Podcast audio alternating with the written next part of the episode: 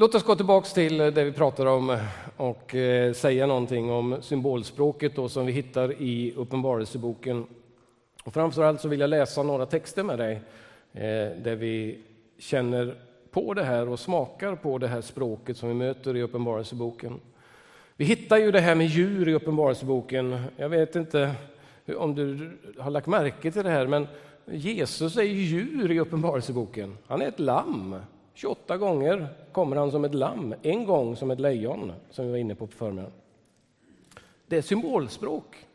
Det är en jättepoäng att kalla honom lammet. Du säger allt. Han har dött för din och min skull. Är ni med? Alltså symboler är väldigt effektiva och den som visste det mer än någon annan var ju naturligtvis Jesus som berättar liknelser när han ska säga någonting väldigt viktigt om Gud och Guds rike. Men du hittar drake, djävulen, du hittar odjur, olika maktsystem, örnen, gräshoppor och så vidare. Det vi också lägger märke till i Uppenbarelseboken är ju bruket av färger som jag var inne på tidigare. Eh, till exempel, säger du att någon är klädd i scharlakansrött eller purpurrött i antiken? Du vet precis vad det handlar om, det räcker så. Det är maktens färg och framförallt är det Roms färg. Under första året lägger Rom mer eller mindre beslag på handeln med, med purpurfärg därför att den var så kostsam och tillhörde lyxlivet i antiken. De som har pengar har råd att köpa de dyra kläderna färgade i purpur eller scharlakansrött. Till slut blev det hovets färg. Ni som är bibelsprängda, var det inte Lydia i Apostlagärningarna 16 som var handlare i tyger med purpurfärg? Helt rätt. Jag är övertygad om att hon handlade för det romerska hovet. Eh, den sagt som en parentes. Och vi märker det här med siffror i Uppenbarelseboken. Församlingar, sigill, basuner, skålar, sju andar. Vi skulle kunna plussa på det, jag ska göra det om ett ögonblick. Låt oss kasta oss bara in i en text där du bara ska få smaka på det här sifferspråket. Och jag ska gå ner här nu så jag kan läsa den här texten på bra avstånd. Det är nästan för nära att stå här framme och läsa. Men titta på den här texten, beskrivning av bruden Jerusalem i Uppenbarelseboken kapitel 21. Och det går naturligtvis inte att växla bild och stå där nere, alltså får jag gå upp och så går jag ner. Och så står det så här att en av de sju änglarna med de sju skålarna som var fyllda med de sju sista plågorna kom och talade till mig och sa Kom, jag ska visa dig bruden, Lammets hustru. Och han förde mig i anden upp ett stort och högt berg och visade mig den heliga staden Jerusalem som kom ner ur himlen från Gud, full av Guds härlighet. Och den lyste som den dyrbaraste ädelsten, som en kristallklar kaspis. Den hade en stor och hög mur och tolv portar. Och vid portarna tolv änglar. Och namn var skrivna där namnen på Israels tolv stammar. Och i öster var tre portar, och i norr tre portar, i söder tre portar, och i väster tre portar. Och stadsmuren hade tolv grundstenar, och på dem stod tolv namn, Lammets tolv apostlar. Och han som talade till mig hade en måttstock av guld för att mäta staden, dess portar och dess mur. Och staden var byggd i fyrkant och dess längd var som dess bredd. Och han mätte upp den med sin måttstock till 12 000 stadier. Längden och bredden och höjden var lika och han mätte upp muren till 144 alnar efter människornas mått, som också var ängens. Och grundstenarna i stadsmuren var av alla slags sköna ädelstenar den första grundstenen var jaspis, den andra av safir, den tredje av skalcedon, den fjärde av smaragd, den femte av sardonyx, den sjätte av karneol, den sjunde av krysolit, den åttonde av beryll, den nionde av topas, den tionde av krysopras, den elfte av hyacint och den tolfte av ametist. De tolv portarna var tolv pärlor, varje port av en enda pärla och den breda gatan genom staden var av ren kull som var som genomskinligt glas. Märker du vilken orgie i tolvtalet? Hallå! Och den här visionen löper fram till kapitel 22, vers 5. Och kan du gissa hur många gånger talet 12 finns i visionen av bruden Jerusalem? 12 gånger, mycket riktigt. 12, 12, 12, 12, 12. Vad är det som vill sägas med det här tolvan? Det är till och med när man mäter den runt om så är den 12 gånger 12, 144. Jo, det är Guds folkets tal. Här skildras gudsfolket och vi får en aning av det här. Det heter bruden Jerusalem, men det visar sig är en stad som i sin tur är ett folk. Och det är tolv portar, de tolv stammarna, och det är tolv grundstenar, Lammets tolv apostlar. Här har du en beskrivning av gudsfolket i historien, Gamla Nya testamentet tillsammans. De troende hemma till slut inför Gud. Det är typiskt apokalyptiken eh, att hålla på med de här siffrorna. Och, eh, eh, eh faktum är att i många sammanhang kan man nästan sitta och räkna saker. Eh, här är tolvan som drivs tolv gånger. Titta på den här uppställningen hämtad från eh, min bok Lammet och odjuret. Eh, du som antecknar, försök hänga med nu. Herren Gud, allhärskaren. Det uttrycket, det viktigaste uttrycket om vem Gud är. Han har all makt. Det används sju gånger i Uppenbarelseboken. Insprängt med jämna mellanrum. Andra viktiga uttrycket, han som sitter på tronen, det vill säga han som har makt, även det hittar du sju gånger i Uppenbarelseboken insprängt i texten. Du hittar det här uttrycket som beskriver Gud som skapare, den som själv inte är skapad, nämligen han som lever i evigheters evighet. Intressant nog fyra gånger skapelsens dag. Titeln Kristus används totalt sju gånger i Uppenbarelseboken. Titeln eh, Jesus Kristus i kombination med att han är det sanna vittnet eller bär det sanna vittnesbördet, det uttrycket finns sju gånger. Lammet i kombination med Gud, där det står Gud och Lammet. Det uttrycket hittar du sju gånger i Uppenbarelseboken. Ord som Lammet tillbeds med, till exempel i 5.12 eller i kapitel 7, stämmer också i 7.12. Ära, makt, härlighet, välde, pris och så vidare. Det blir sju ord till slut. De sju andarna omnämns fyra gånger. Anden som utsänd över världen, anden plus församlingen förekommer sju gånger. De sju församlingarna som representerar församlingen i världen omnämns fyra gånger. Det här uttrycket alla stammar, språk och länder och folk finns intressant nog sju gånger i texten. Ordet profetia finns sju gånger och vet du att det finns sju stycken saligprisningar i Uppenbarelseboken. Salig den som. Vi läste ju en i kapitel 1, vers 3. Salig är den som hör och tar tillvara på dessa ord. Utöver det här så har du sju församlingar, sju sigill, sju basuner, sju skålar. Det är någon som är väldigt intresserad av siffror. Och det är klart, när man läser en sån här, eller ser en sån här uppräkning så kan man tänka på två sätt. Man kan tänka som... Eh, ja, jag ska inte sätta etiketter på vem som tänker så, vi backar. Eh, man kan ju tänka å ena sidan att eh, Gud är fantastisk, eh, att det har blivit så här. Eh, å andra sidan kan man tänka sig, ja det, det var en skicklig författare. Det var en skicklig redaktör som satt och räknade där, fick ihop det där. Och jag vet inte riktigt eh, hur jag ska förklara det. Det jag dock kan reflektera över det är att det här är inte ovanligt i det vi kallar för judisk kristen apokalyptik. Att man inte ser siffror. Jag har personligen inte svårt att tänka mig att det är en människa som är uppvuxen i den här traditionen och som skriver medvetet på ett sätt med hjälp av siffror. Han säger någonting med siffror. Låt mig ge ett exempel på en siffra som är omdiskuterad i Uppenbarelseboken och det är ju inte minst talet 144 000. Är det någon som har haft besök av eh, ett Jehovas vittne någon gång så säger ofta kan ett Jehovas vittne tala om 144 som ett bokstavligt tal. Det är de som kommer till himlen eh, och man konstaterar på någon gång på 1970-talet att de där 144 000 vittnena, de, det är fullt i himlen. Därför hör du faktiskt aldrig ett Jehovas vittne som kommer till din dörr och säger så här. Har du hört att det finns ett paradis i himlen som du kan få komma till? Nej, han eller hon säger så här. Har du hört att det finns ett paradis på jorden där du kan få vara med? Och Det har du helt enkelt att göra med hur de tolkar det här talet, nämligen att man läser det bokstavligt, det är fullt i himlen. Talet förekommer två gånger i Uppenbarelseboken, kapitel 7, vers 4 och kapitel 14, vers 1. Eh, och, eh, eh, om vi tittar på det här talet, hur det är uppbyggt, så kan man konstatera en sak. Att det är uppbyggt på talet 12. 12 gånger 12 gånger 10 gånger 10 gånger 10. Och frågan är om inte den text vi precis läste innan i kapitel 21 ger oss nyckeln till det här talet. Vad var det han mätte runt om den här staden? Portarna var 12 stammar, och så var grundstenarna 12 apostlar och när man mätte staden så var den 12 gånger 12, 144. Är ni med? Nyckeln har du där. Men vad, vad då 10 gånger 10 gånger 10? Ja, betänk att 10 upphöjt till 3, 1000, är ett av grekernas största räkneord som man använder sig av. Det allra största är 10 000 myriader, eller myriades på grekiska. När det står myriaders myriader så står det egentligen 10 000 gånger 10 000. Du kan inte säga någonting större. Det är som när jag var liten och sa trill, triljoner, biljoners, triljoner. Är ni med?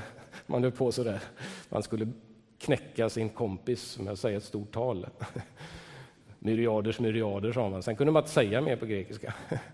Eh, det är ett väldigt stort tal och nyckeln tror jag finns i texten själv, eh, nämligen den här uppställningen.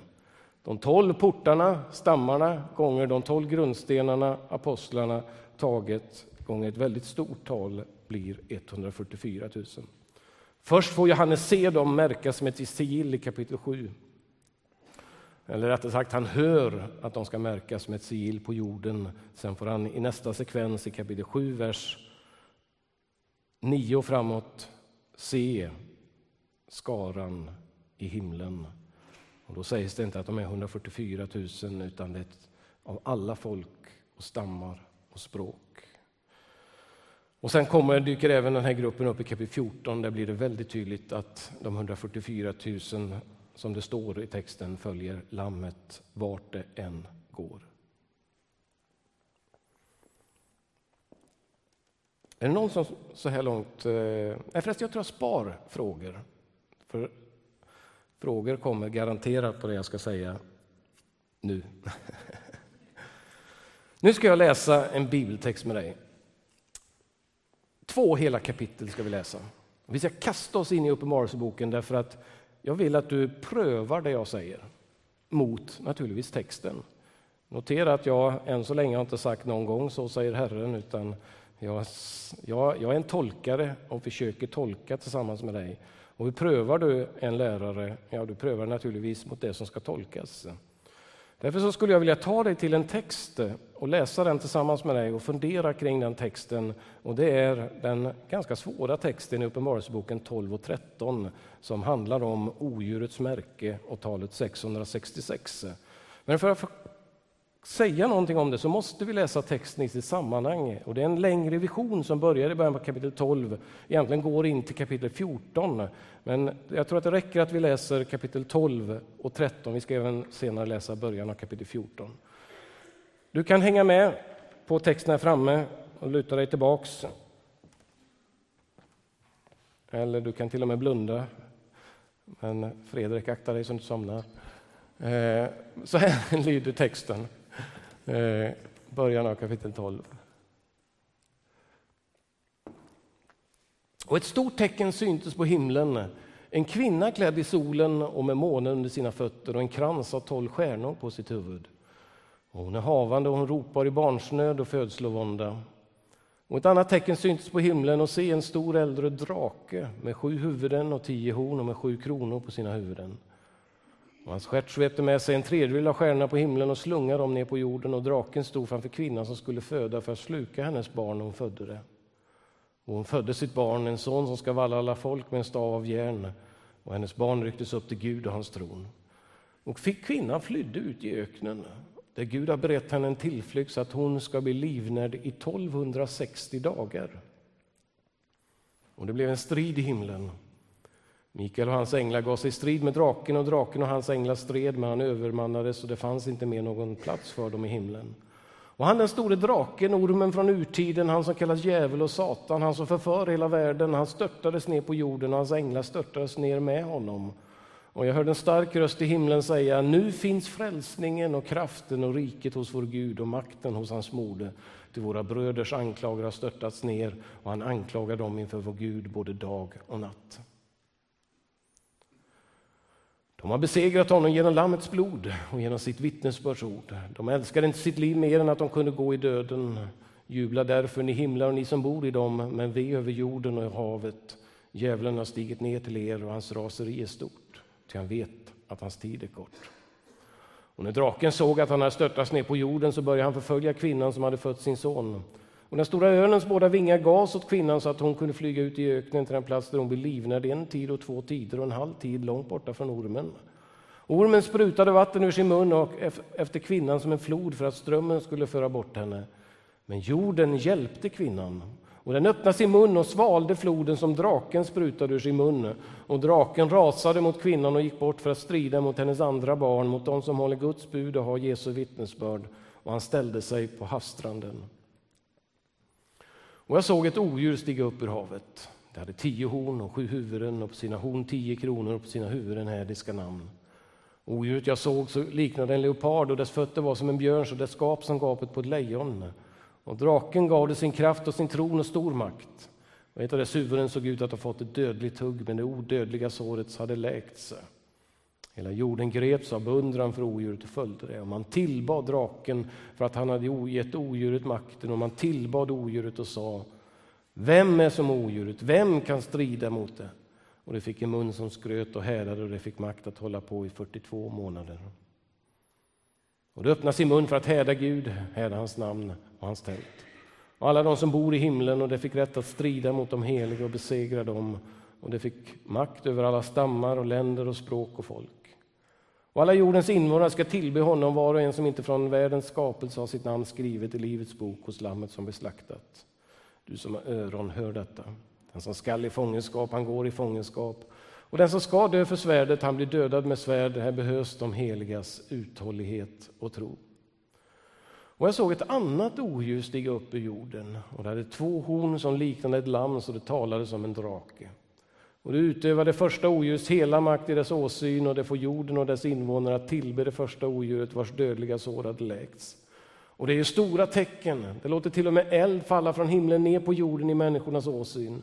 Och det förför jordens invånare med de tecken som de fått rätt att göra i odjurets åsyn.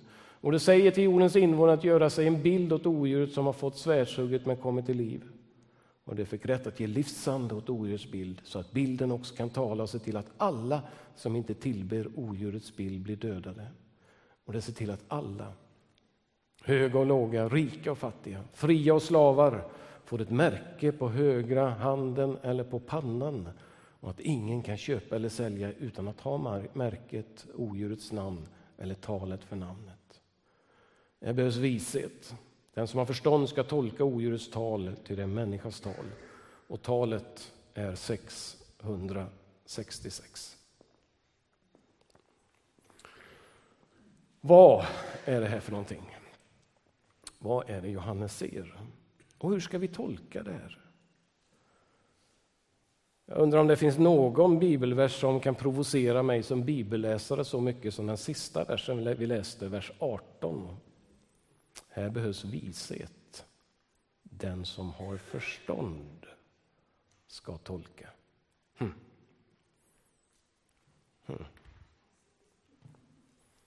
Ja, jag är väl inte dum. Det här ska jag knäcka. Det här ska jag förstå. Och faktum är att det finns min erfarenhet från resa i svensk kyrklighet de senaste 15 åren i Uppenbarelseboken. Jag säger inte det som ett skryt, men jag har varit i församlingar alltifrån trosrörelse till katolska kyrkan, pastorsdagar och olika seminarier och så här. Det finns inget bibelsammanhang som kristna har så mycket uppfattningar om som det här. Jag undrar om det är vers 18 som har lett till det. Jag är väl inte dum heller. Klart jag ska fatta vad odjurets märke handlar om. Det handlar ju om liv och död. Det handlar om att vara med. Eller hur? Är ni med? Jag blir provocerad i alla fall, även om inte du blir det. Det här ska jag minsann begripa. Men delvis är det problematiskt också när vi läser versen på det sättet, därför att vi ger oss den på att fatta det här med det här talet. Knäcka det där med odjurets märke. Och så liksom börjar vi faktiskt med en liten detalj i den stora bilden. Är ni med? Det är ju bara en liten slutknorr på hela berättelsen. Ska vi läsa den här berättelsen och försöka förstå berättelsen så måste vi rimligtvis börja från början. Därför så tror jag att det är precis det vi lurar oss själva. Vi ska få kläm på det här med odjurets märke och talet 666. Och så börjar vi bakifrån och så börjar, har vi liksom ingenstans att sätta våra fötter riktigt. Utan ja, det här med mikrochip, ja det kanske ja, det, det låter rätt bra. Det kan ju sitta på handen. Och, ja, det har inte kommit någonting än, så det måste ju ligga i framtiden. Ja, det kommer nog någon gång. Är ni med? Och så går det igång och så funderar vi och så spekulerar vi över vad det kan vara för någonting. Nej, här skulle jag vilja rekommendera starkt, backa i texten. Du kommer aldrig fatta detaljerna om du inte har fattat den stora berättelsen. Berättelsen om kvinnan som föder en son, draken, det första odjuret, det andra odjuret. Ja, vad är det för någonting då? Ja, låt oss titta på hur texten ser ut. Det första vi möter det är ju den här kvinnan. Kapitel 12, vers 1. Kvinnan klädd i tolv stjärnor, solen och månen. Ja, vad är det där? Ja, EU, säger någon. Vet att det finns tolv stjärnor i EUs flagga. Och det finns kristna som hävdar att det här är en profetisk beskrivning av EU. Jag läste en kommuniké från svenska EU-departementet som fick frågan varför är det tolv stjärnor i EUs flagga? Det är ju nästan 30 medlemsstater nu. Ja, svarade man. Vi vet inte. Men det finns en bibelord i Uppenbarelseboken 12 och 1 där det är en kvinna som har tolv stjärnor. Det kommer nog därifrån. Det är sanning, så stod det. Tala om självuppfyllande profetia. Jag är ganska övertygad om att Johannes ser inte EU framför sig. Därför han ser någonting som är välkänt bland judar och så småningom kristna. Han kan sin bibel och han kan berättelsen om mannen som drömmer om solen och månen och elva stjärnor som böjer sig för honom som är den tolfte stjärnan. Och vem är det jag pratar om? Jesus? Nej. Josef, bra. Första Moseboken 37, där har du berättelsen. Det här är en beskrivning av Israel som florerar bland judar och framförallt i det vi kallar för intertestamental litteratur mellan Gamla och Nya testamentet under 400 år. Det blir en välkänd bild på det judiska folket. Man talar om det judiska folket i de här termerna och eh, det stämmer väldigt väl i hela beskrivningen därför att den här kvinnan är havande. Hon föder ett barn. Ja, okej, okay, då ska vi tolka barnet. Men, och det där barnet är nog inte så svårtolkat, eller hur? Va? Ja, vad händer? Draken vaknar till liv, vi slukar barnet. Barnet har en stav av järn som ska valla alla folk. Det är kungaspråk. Det är en spira han har i handen. Och han blir upptagen väldigt snabbt till himlen. Så med stor sannolikhet handlar det om ändå. Ja, nu kom det en massa S igen. Jesus. Det här är, behöver vi nog inte spekulera över, att draken, för draken är ju intressant nog den enda som avkodas i berättelsen. Lägger ni märke till det? För vem är draken eller ormen i texten? Djävulen, och det behöver vi inte tveka ett smack på. Därför titta vad det står i kapitel 12, vers 9. Där står det att draken eh, måste hitta stället här. Och han den stora draken, ormen från urtiden, han som kallas djävul, Satan, han som förför hela världen har störtats ner på jorden. Det märker du, han räknar, nästan räknar upp alla ord han kan på det där.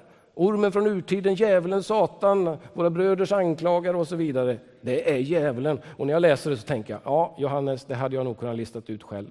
Vad har du det andra du kunde ha nämnt?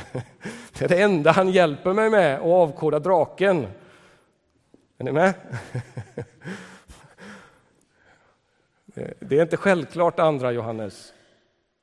Men det här, alltså den här sekvensen kan vi nog vara ganska säkra Han ser kvinnan föda ett barn och draken vaknar till liv. Det är inte svårt att tänka på barnamorden i Jerusalem, på frestelsen i öknen, på kampen med demonerna och kampen om hans död och så vidare med, eh, med, med Satan själv. Det här, här får vi en, en kamp skildrad på det här sättet. Intressanta i den här berättelsen är ju det som händer i vers 7 och framåt fram till och med vers 12. Hur Johannes så typiskt för det vi kallar för apokalyptik, han ser någonting på jorden och plötsligt så ser han någonting uppe i himlen. Han får se någonting inne i himlen, nämligen att när sonen rycks upp till himlen så blir det en strid mellan draken och hans änglar och Mikael och hans änglar och det blir en kamp. Och Mikael och hans änglar vinner över draken och draken kastas ut ur himlen. Och han förstår att hans tid är kort och han kastas ner på jorden. Ja, vad är det för någonting? Ja, vad är det som besegrar draken i berättelsen? Vad var det som gjorde att han tappade fästet och slungades ner på jorden? Ja, vad står det i texten? Vers 11. De besegrade honom genom Lammets blod och sin bekännelse av det. Det här tror jag är helt enkelt en symbolisk, apokalyptisk, eller du får kalla vad du vill, beskrivning av korsdramat vi får vara med om. Bakgrunden är djävulen som våra bröders anklagare som han skildras i Jobbsboken. Om du läser Jobbsbokens inledning så går djävulen ut och in hos Gud. Han anklagar de rättfärdiga och ber att få pröva en man som kallas för rättfärdig som heter Jobb. Och han riktigt tigger sig till det där inför Gud. Och han gör det. Det är samma funktion han har är. Han är en anklagare av de rättfärdiga. Men han förlorar sin roll, kastas ut ur himlen och han slängs ner på jorden när han besegras genom Lammets blod. Det här är en slags billig beskrivning av korsdramat för mig. Det här är det som sker när vi säger att vi är rättfärdiggjorda. Vad innebär det konkret i bildligt språk? Ja, det innebär helt enkelt att Satan har ingen rättighet att komma inför Gud och anklaga dig och mig. Han är utkörd ifrån Guds närhet och Kristi blod är utgjutet för dig och mig. Är ni med? Det är ett sånt drama som skildras i den här texten. Och han kastas ner på jorden och det står att han inser att hans tid är kort. Vad gör han då? Han börjar förfölja kvinnan igen. Men det berättas i texten att den stora örnens bägge vingar sprids ut över kvinnan. Det är en bild hämtad från Andra Moseboken om hur Gud beskyddar Israels folk genom öknen och kvinnan får skydd under en tid. Först är tiden 1260 dagar som hon får skydd i vers 6. Sen längre fram står det att hon får skydd i en tid, två tider och en halv tid. I tre och en halv tid, eller som det också kan översättas i tre och ett halvt år. Notera att den siffran kommer tillbaks längre fram i texten som perioden då de troende förföljs. 42 månader står det längre fram i kapitel 13. Vad är det här för språk? Ja, tre och ett halvt är lika med år, är lika med 42 månader och 42 månader är lika med 1260 dagar. Och det där är hälften utav sju. Det är ett tal som lånas ifrån Danielsboken där det sägs just att de troende lider i tre och ett halvt år. Det betyder inte att det är en förföljelse på jorden i nödvändigtvis 42 månader eller tre och ett halvt år, utan det är ett typiskt symbolspråk att säga att de troende kommer att förföljas under en temporär, en begränsad tid. Inte slutgiltig. Notera förresten i Uppenbarelseboken att odjuret får tillåtelse att förfölja de troende i tre och ett halvt år. Men när de troende lönas så regerar de med Kristus i tusen år. Det är en kontrast i siffror i Uppenbarelseboken. Du får det där stora talet för greken mot det där futtiga tre och ett halvt år. Notera det som händer, att ormen får inte tag i den här kvinnan utan hon får ett beskydd utav Gud. Då börjar det som är intressant i berättelsen och dit jag tror egentligen Johannes vill komma, nämligen att eh, när djävulen har förföljt kvinnan och barnet så börjar han förfölja en tredje grupp, nämligen i vers 18, hennes andra barn. De barnen avkodas. Intressant nog. Det står att de, det är de som håller Guds bud och har Jesu vittnesbörd. Det här kan bara vara en grupp. Det är inte judar som håller Jesu vittnesbörd. Det är naturligtvis de kristna som skildras på det här sättet. Och det är nu som berättelsen tar fart. Och Johannes får se hur draken ställer sig på en havsstrand och ut ur havet så kommer det ett odjur i kapitel 13, vers 1. Notera havets roll i de bibliska texterna. Det är ur havet som eh, kaosmakterna kommer i Saltaren och Jobbsboken. Behemot, blodhästen och Leviatan, krokodilen, de makter som Gud kuvar finns där i havet. Varför tror du Jesus går på vatten? Han är inte intresserad av att upphäva tyngdlagen. Han är intresserad av att sätta sina fötter på kaosmakterna. Han som skrider fram på havets toppar, som det står i Jobbsboken kapitel 9, vers 8. När Jesus hutar åt stormen så använder de Eh, evangelisterna samma ord som när Jesus hutar åt demoner. Han hutar åt kaosmakterna, åt mörkrets makter. Varför tror du Jesus låter demonerna fara in i svinen som slänger sig ner i vattnet? Och varför tror du att vi läste på förmiddagen och jag såg och se en ny himmel och en ny jord och havet fanns inte mer. Jag minns den där fredagskvällen när jag läste det första gången. Jag kliade mig i huvudet när jag låg i min säng och tänkte, har Gud aldrig varit i Varberg? Havet fanns inte mer. Hur ska det bli i framtiden när det inte finns något hav? Och det tog många år innan jag liksom förstod det överhuvudtaget, eh, om Gud var någon stadsbo eller aldrig varit på västkusten. Jag funderade i min ensamhet.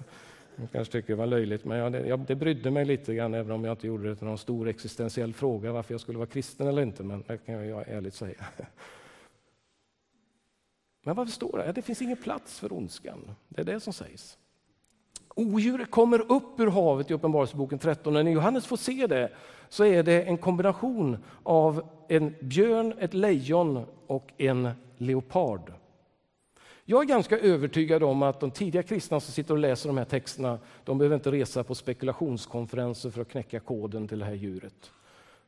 Beskrivningen av det här djuret finns faktiskt i de gammaltestamentliga texterna i Danielsbokens sjunde och åttonde kapitel där Daniel får se de här djuren. Han får se ett lejon, han får se en björn och han får se en panter, står det i Bibel 2000. Det intressanta med de där djuren är att de avkodas i Danielsboken 7-8 till att bli tre stormakter. Där eh, lejonet blir eh, Babylonien, där björnen blir Persien, Medien och där panten blir Grekland. De tre stormakterna som har kuvat det judiska folket. Och så ser Daniel ett fjärde djur, ett odjur. Johannes plockar upp den profetian och använder den på nytt och talar om draken, eller förlåt, odjuret, det fjärde djuret. Ja, vad kommer efter Babylonien, efter Persien, Medien, efter Grekland i världshistorien? Ja, för en som lever på första århundradet efter Kristus så är det nog ganska självklart vad Johannes kan ha sett, nämligen Rom. Det som stödjer den tolkningen är att det här odjuret har hädiska namn skrivet på sig. Vad är hädiskt namn? Jo, det är Guds namn. Han har tagit Guds namn och han åtrår folkens tillbedjan. Vem är som odjuret? Jag har berättat om hur de romerska kejsarna kallar sig för Gud, frälsare, Herre, universums upprätthållare, Guds son och så vidare. och så vidare. De tar Guds namn och vädjar efter folkets tillbedjan. Och Johannes ser det här odjuret framför sig. Men inte bara det odjuret, han får se ett odjur till i kapitel 13, vers 11. Ett mindre odjur som ser ut som ett lamm. Men när det talar så talar det som en drake. Symboliken är tydlig. Det, låter så, eller det ser ut som Kristus, men det låter djävulskt förföriskt.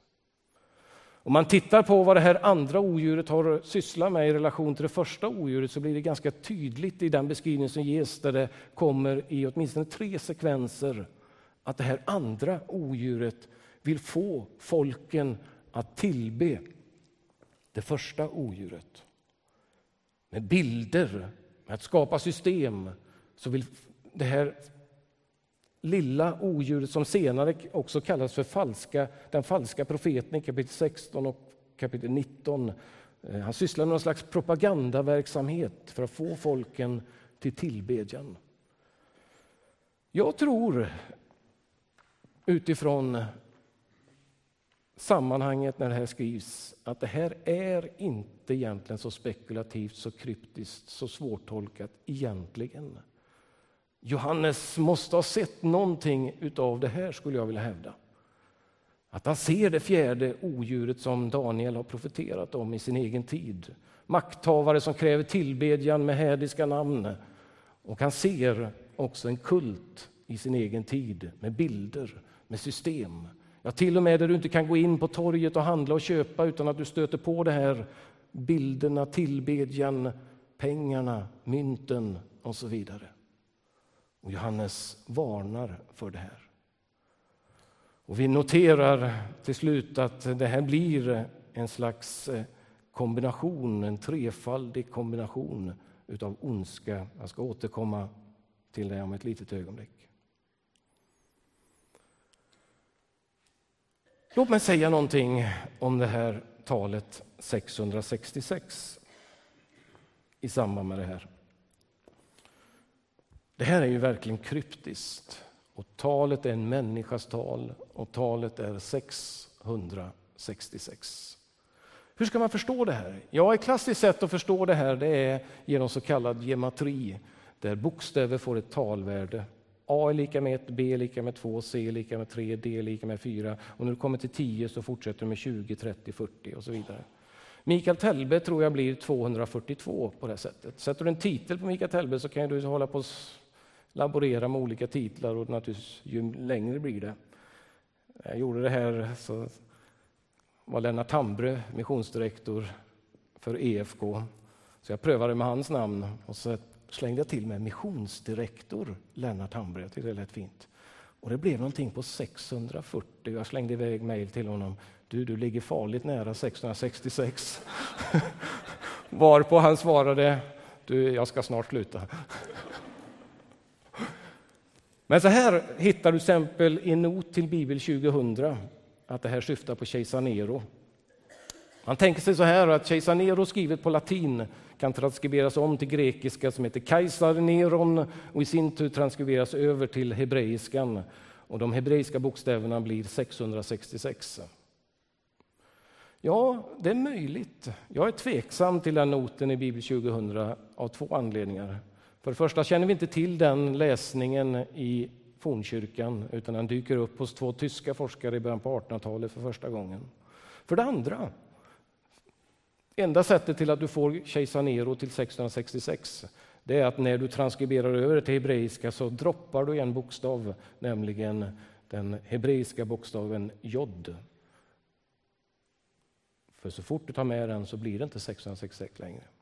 Men så här kan man naturligtvis sitta och laborera. Du kan få kejsar Domitianus, beroende på vilken titel du sätter, till 1666. Du kan få olika påvar. Du kan få Mussolini, Hitler, Stalin, Khomeini, Saddam Hussein. En mängd figurer till talet 1666, delvis beroende på vilket alfabet du skriver det här. Ja, det kan ju vara möjligtvis så här när jag blev kristen på 70-talet eh, så var det de som hävdade att det kooperativa förbundet är odjurets tal. Därför att, eh, jag skrattar inte för mycket nu, därför att man kunde nämligen räkna ut den här liggande åttan, evighetssymbolen med matematisk formel till 666. Och det fördes diskussioner på hög nivå i tidningen Dagen på 70-talet om att kristna inte ska vara med i kooperativa förbundet. Och naturligtvis, ja, du, det är ingen fara, din svärson är chef för Konsum, eller vad var det du berättade innan? Okej. Okay. Ja, ja, tack. Jag tyckte det vände sig i magen. Ja, vi, kan, vi kan sitta och skratta åt det här. Det har varit otänkbart på 70-talet. Här sitter vi med våra med mera kort eh, där vi samlar poäng på allt. Och liksom, ja, vadå, det kan det inte vara. Det var högsta allvar för en tid sedan. Den här tolkningen har jag läst, trot eller ej, att det syftar på den första månfärden. Det var väldigt mycket sexer på den där grejen de skickade upp första gången och som de landsteg på månen med. Det var sexer på ben och sputnikar och jag vet inte allt vad det var, raketer. Vad var det där för någonting? Ja, jag har faktiskt sett en mycket duktig bibelutläggare som hävdar att det var den första månfärden. Mm.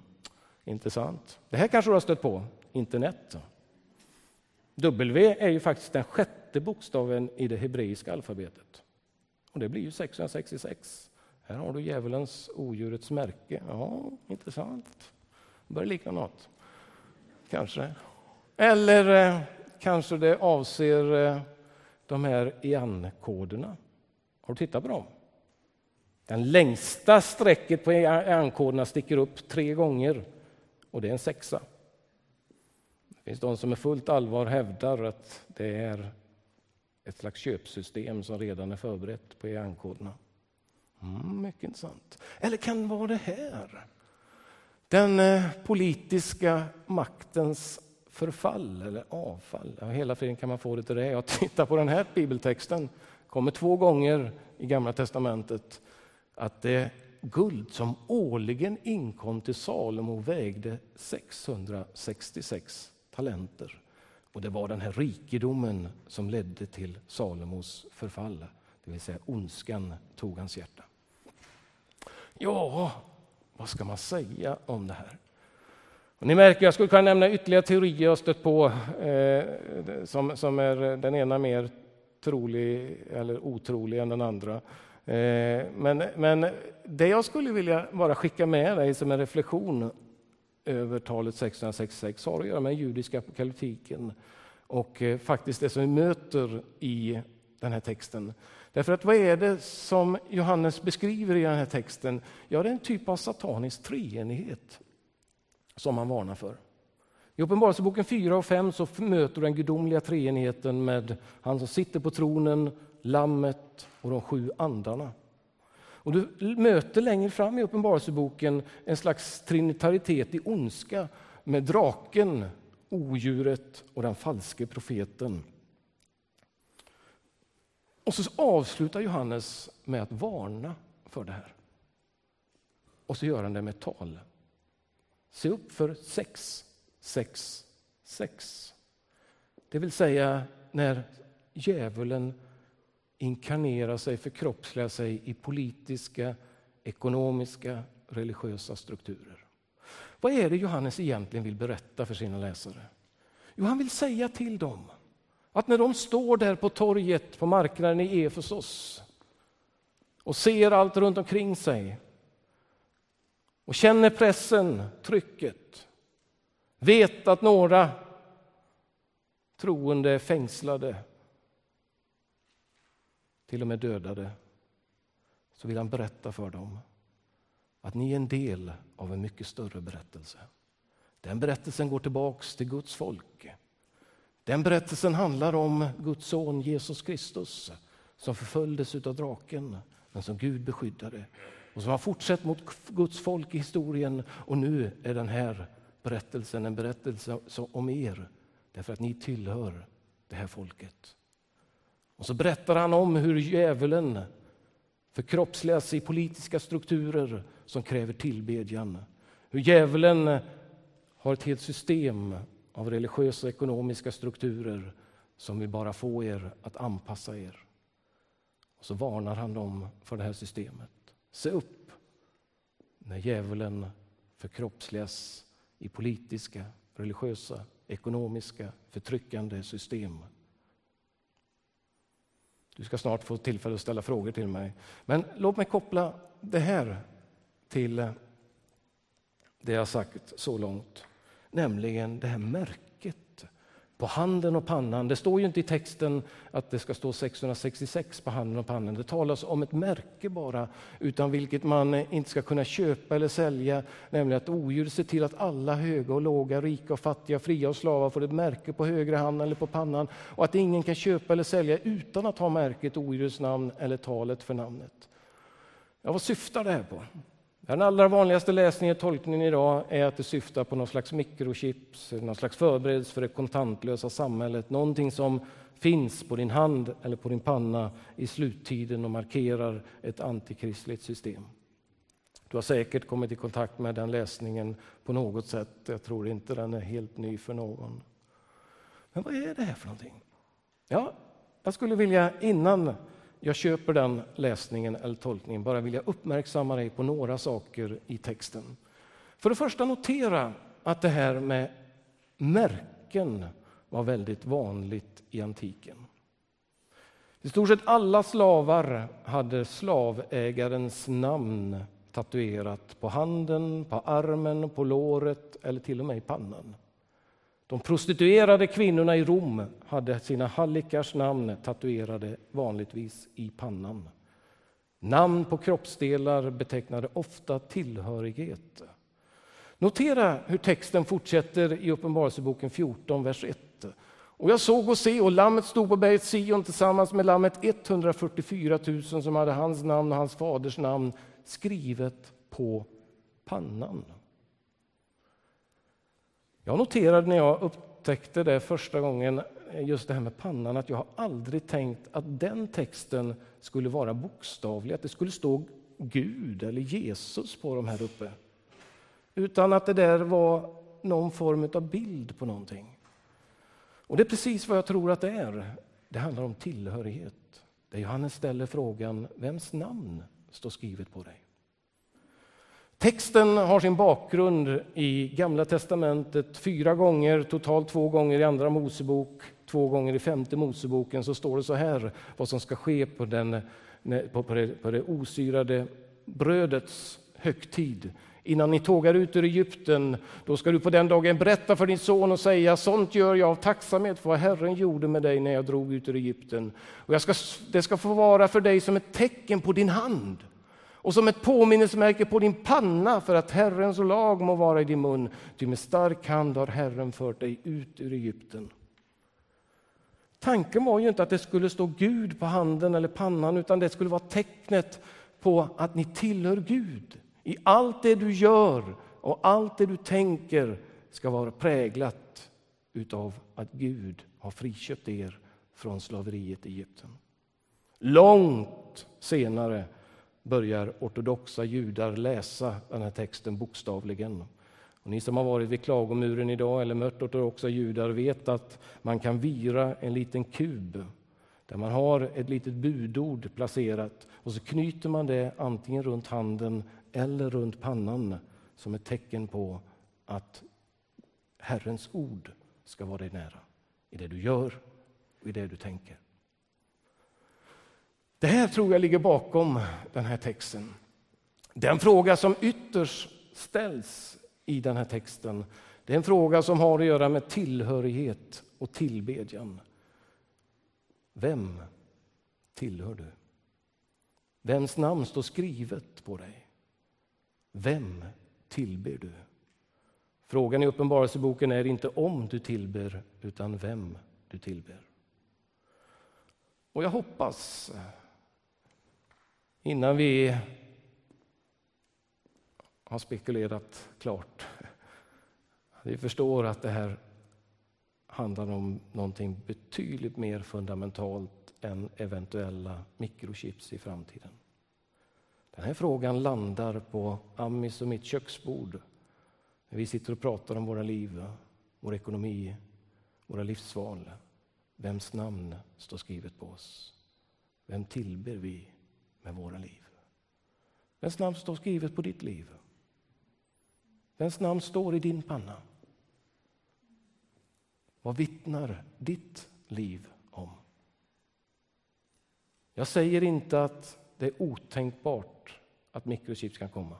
Men jag säger en sak och det är att det handlar om någonting betydligt mer fundamentalt, grundläggande och inte så spekulativt, nämligen om tillhörighet.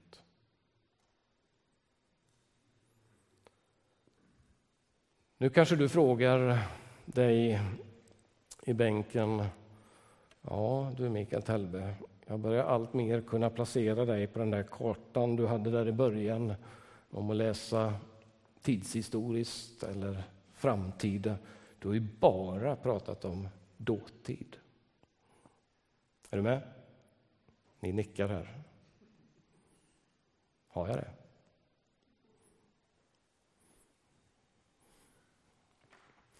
Nej, jag ska återkomma till det. Men innan jag återkommer till det så ska jag släppa in dig som vill be mig förtydliga någonting, förklara någonting. Du behöver självklart inte tycka och tänka som jag gör. Eh, pröva en annan läsning, annan förståelse av bibeltexten. Jag släpper in vilken fråga du vill. Vi ska snart sluta, men du är välkommen.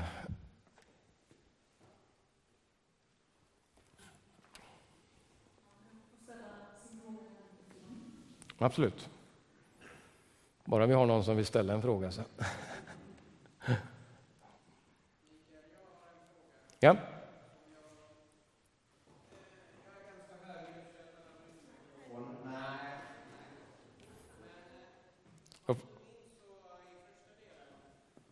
Ja.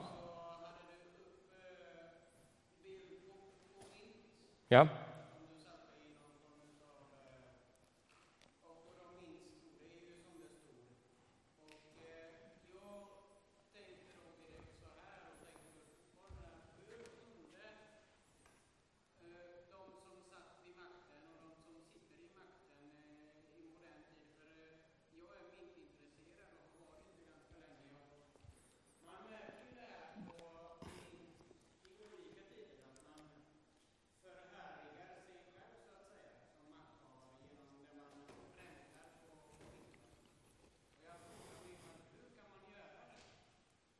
Hur man kan göra det?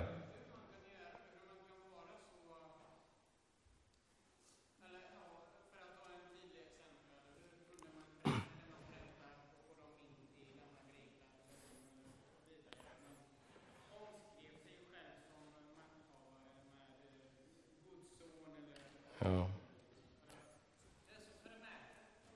ja, vi kan tycka att det är väldigt förmätet, men faktum är att du behöver bara gå till eh, Japan idag så kallas eh, makthavaren i Japan för Gud. Alltså det, det är ett kulturellt fenomen eh, att man gör det och det ligger, ligger väldigt nära vissa kulturer. Eh, Egypterna eh, importerade från perser och perser eh, eller förlåt, egyptierna, eh, eller greker rättare sagt, tog det från egyptierna in i grekisk kultur eh, och så småningom hamnade i romersk kultur. Alltså det, det var ett sätt att uttrycka makt. Eh, och pengar är ju någonting som alla har. Någonting som du bär på dig, finns i dina fickor, någonting som du handlar med, saker som du får för. Väldigt bra maktsymbol.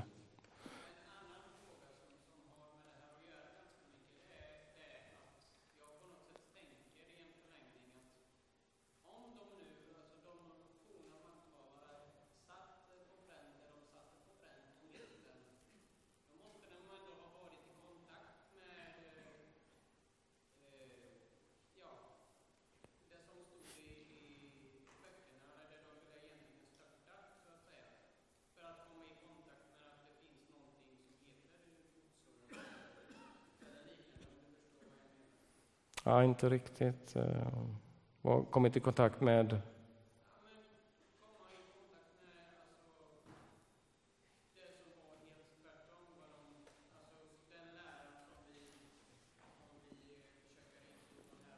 Ja, ja, okej. Okay. Mm. Ja, nej, jag tror inte jag kommenterar det ytterligare. Eh, det här med mynt och eh, är, är ju jätteintressant. Eh, men det, det, är ju väldigt tydligt en maktsymbol i samtiden vad man gör med mynten. Jag skulle vilja avsluta, och såvida inte det är någon som sitter med en brännande fråga som gör att du måste få ställa den. Annars så finns jag självklart kvar här en stund efteråt. Jag skulle bara vilja avsluta med eh, eh min tredje punkt som handlar om uppenbarelsen som profetia.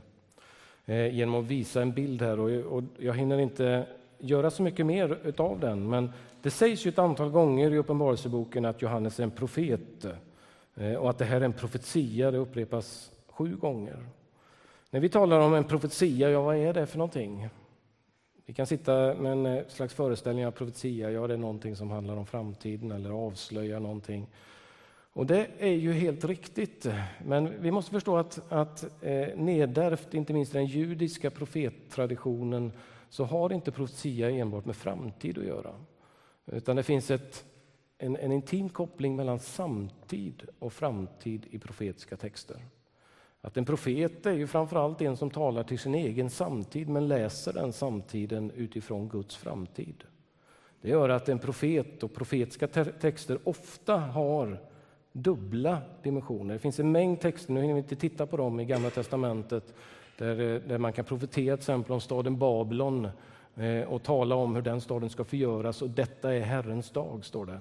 Herrens dag som för profeten är den sista dagen i historien. Man upplever det som Gud gör i historien när Gud dömer Babylon. Jag tror även Jesus tänker så när han talar om Jerusalems fall i Matteus 24, Markus 13, Lukas 21.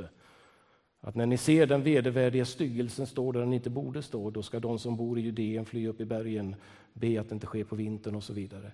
Jag tror att han ser att Gud ska döma Jerusalem, men det märkliga där i där, den dimensionen det är ju att även där flyter samtid och framtid ihop. Då ska ni få se Människosonen komma på molnen, säger han lite längre fram. Eh, och, och man, man, kan se att det finns eh, en slags eh, eh dubbla, dubbla eller till och med trippla perspektiv hos profeten. Där du dels har profetens perspektiv, där Jesaja kan se någonting i sin egen tid som döms som Herrens dag. Där även Jesus kan se någonting i sin egen tid som döms som Människosonens ankomst.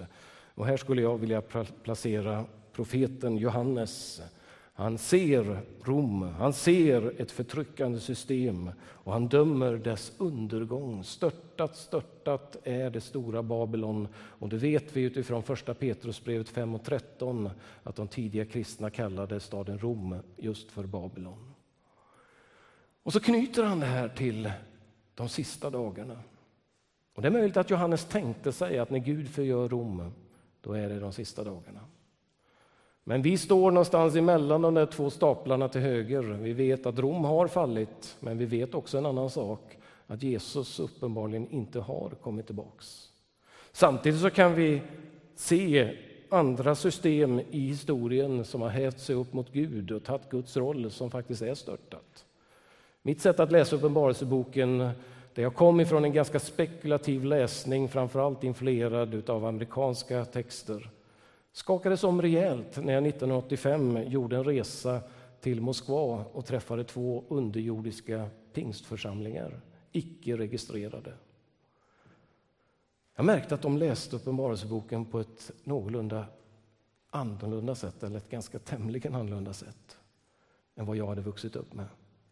De hade ledare som var fängslade, bortförda, till och med dödade i fångläger i Sibirien levde i en totalitär stat som sa Gud är död och där deras tro utmanades på en mängd olika sätt. Jag märkte att man läste Uppenbarelseboken. Det var en tröstetext där man hämtade tröst med tanke på det lidande man stod i. Men det var också en slags protesttext där man hämtade heligt mod, heligt trots till att stå upp på måndag morgon och säga Jesus Kristus är Herre mitt i ett antikristligt samhälle. Vi har sett ett Östeuropa som eh, har förnekat Gud, fängslat kyrkan, trampat på kristna. Under 40, 50 och 60-talet som eh, plötsligt har brutits ner. Det sovjetiska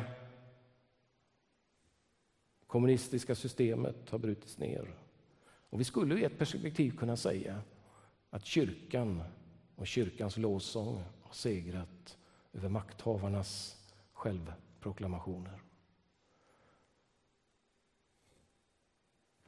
Prata med kristna i Kina idag hur de läser Uppenbarelseboken. Ja, man läser naturligtvis sin egen politik. Prata med kristna i Latinamerika eller med kristna i Sydafrika hur man läste Uppenbarelseboken under apartheidregimen då även kyrkan till stor del eh, förtrycktes. Ja, man såg sin egen tid i det här. Jag tror att varje tid måste avslöja sitt eget odjur, sin egen förföriska sköka. Det vill säga, Uppenbarelseboken är inte bara ett då Uppenbarelseboken är också en framtid Uppenbarelseboken är också ett nu. Notera att det namn som Gud får i inledningen på Uppenbarelseboken kapitel 1, vers 8, det är den Gud som var, som är och som kommer. Dåtid, nutid, framtid knyts samman i Gud. Uppenbarelseboken hade en oerhörd relevans från tidiga kristna. En gång. Den kommer att ha en oerhörd relevans för ändtidens kristna. Uppenbarelseboken har också en enorm viktig funktion för vår tid. Och naturligtvis har vi en uppgift att avslöja de förtryckande strukturerna. De antikristliga makterna som verkar i vår tid och i våra liv. Ja, vad är det som finns runt omkring oss? Finns det något odjur i Sverige? Finns det någon förförisk sköka? Ja, man kan ju fundera på det. Man kan ju fundera vad som händer klockan 11 en söndag förmiddag vid de stora köpcentran i Sverige. Där vi lever i ett samhälle där vi tror att vi kan köpa oss glada och vi kan säkra våra liv i framtiden genom att investera på börsen. Vi lever i en tid som förhärligar pengarna, kapitalet, statusen, materialismen. Skökan i Uppenbarelseboken dricker sig full av de gudaktigas blod. Och hon vältrar sig i lyx och prål. Och när hon störtas i, eh, förlåt, i Uppenbarelseboken 18 så störtas hon tillsammans med 28 stycken lyxprodukter. Det är ett välfärdssystem som störtas. Störtat, störtat är det stora Babylon och på stranden så står jordens kungar, står det, tillsammans med jordens köpmän och sörjer henne. Det finns texter som talar till vår tid, självklart. Där det finns system som lockar oss till tillbedjan, som vill ha våra hjärtan. Frågan är inte om du tillber, utan frågan är vem du tillber. Frågan är vems namn som står skrivet på ditt och mitt liv. Det här är Uppenbarelseboken nu. Och befinner du dig i Kina idag så kanske du läser det här odjuret på ett lite annat sätt. Men jag hävdar att varje tid, och i den meningen gjorde Martin Luther rätt, måste våga peka ut sin egen tids odjur. Jag ska sätta punkt där och min tid är gången. Här finns väldigt mycket spännande att säga. Och jag var inne på en del under förmiddagen om Guds makt, om Lammets seger, om tillbedjan i Uppenbarelseboken, om efterföljelsen, om hur ondskan besegras i Uppenbarelseboken och hur Gud tröstar och gjuter mod i de troende. Men allt det där får jag återkomma till. Eh, och framför allt vill du läsa mer så anbefaller jag den här boken. Eller, det finns en annan bra bok som jag rekommenderar eh, för dig som är intresserad av att läsa eh, på svenska. Och det är Leif Carlsons bok Tröst och trots, en kommentar till Uppenbarelseboken eh, som har kommit på svenska. Vänner, jag tackar för förtroendet och eh, ska vi ta och tacka Gud tillsammans. Vi står upp och överlåter oss själva i Guds händer.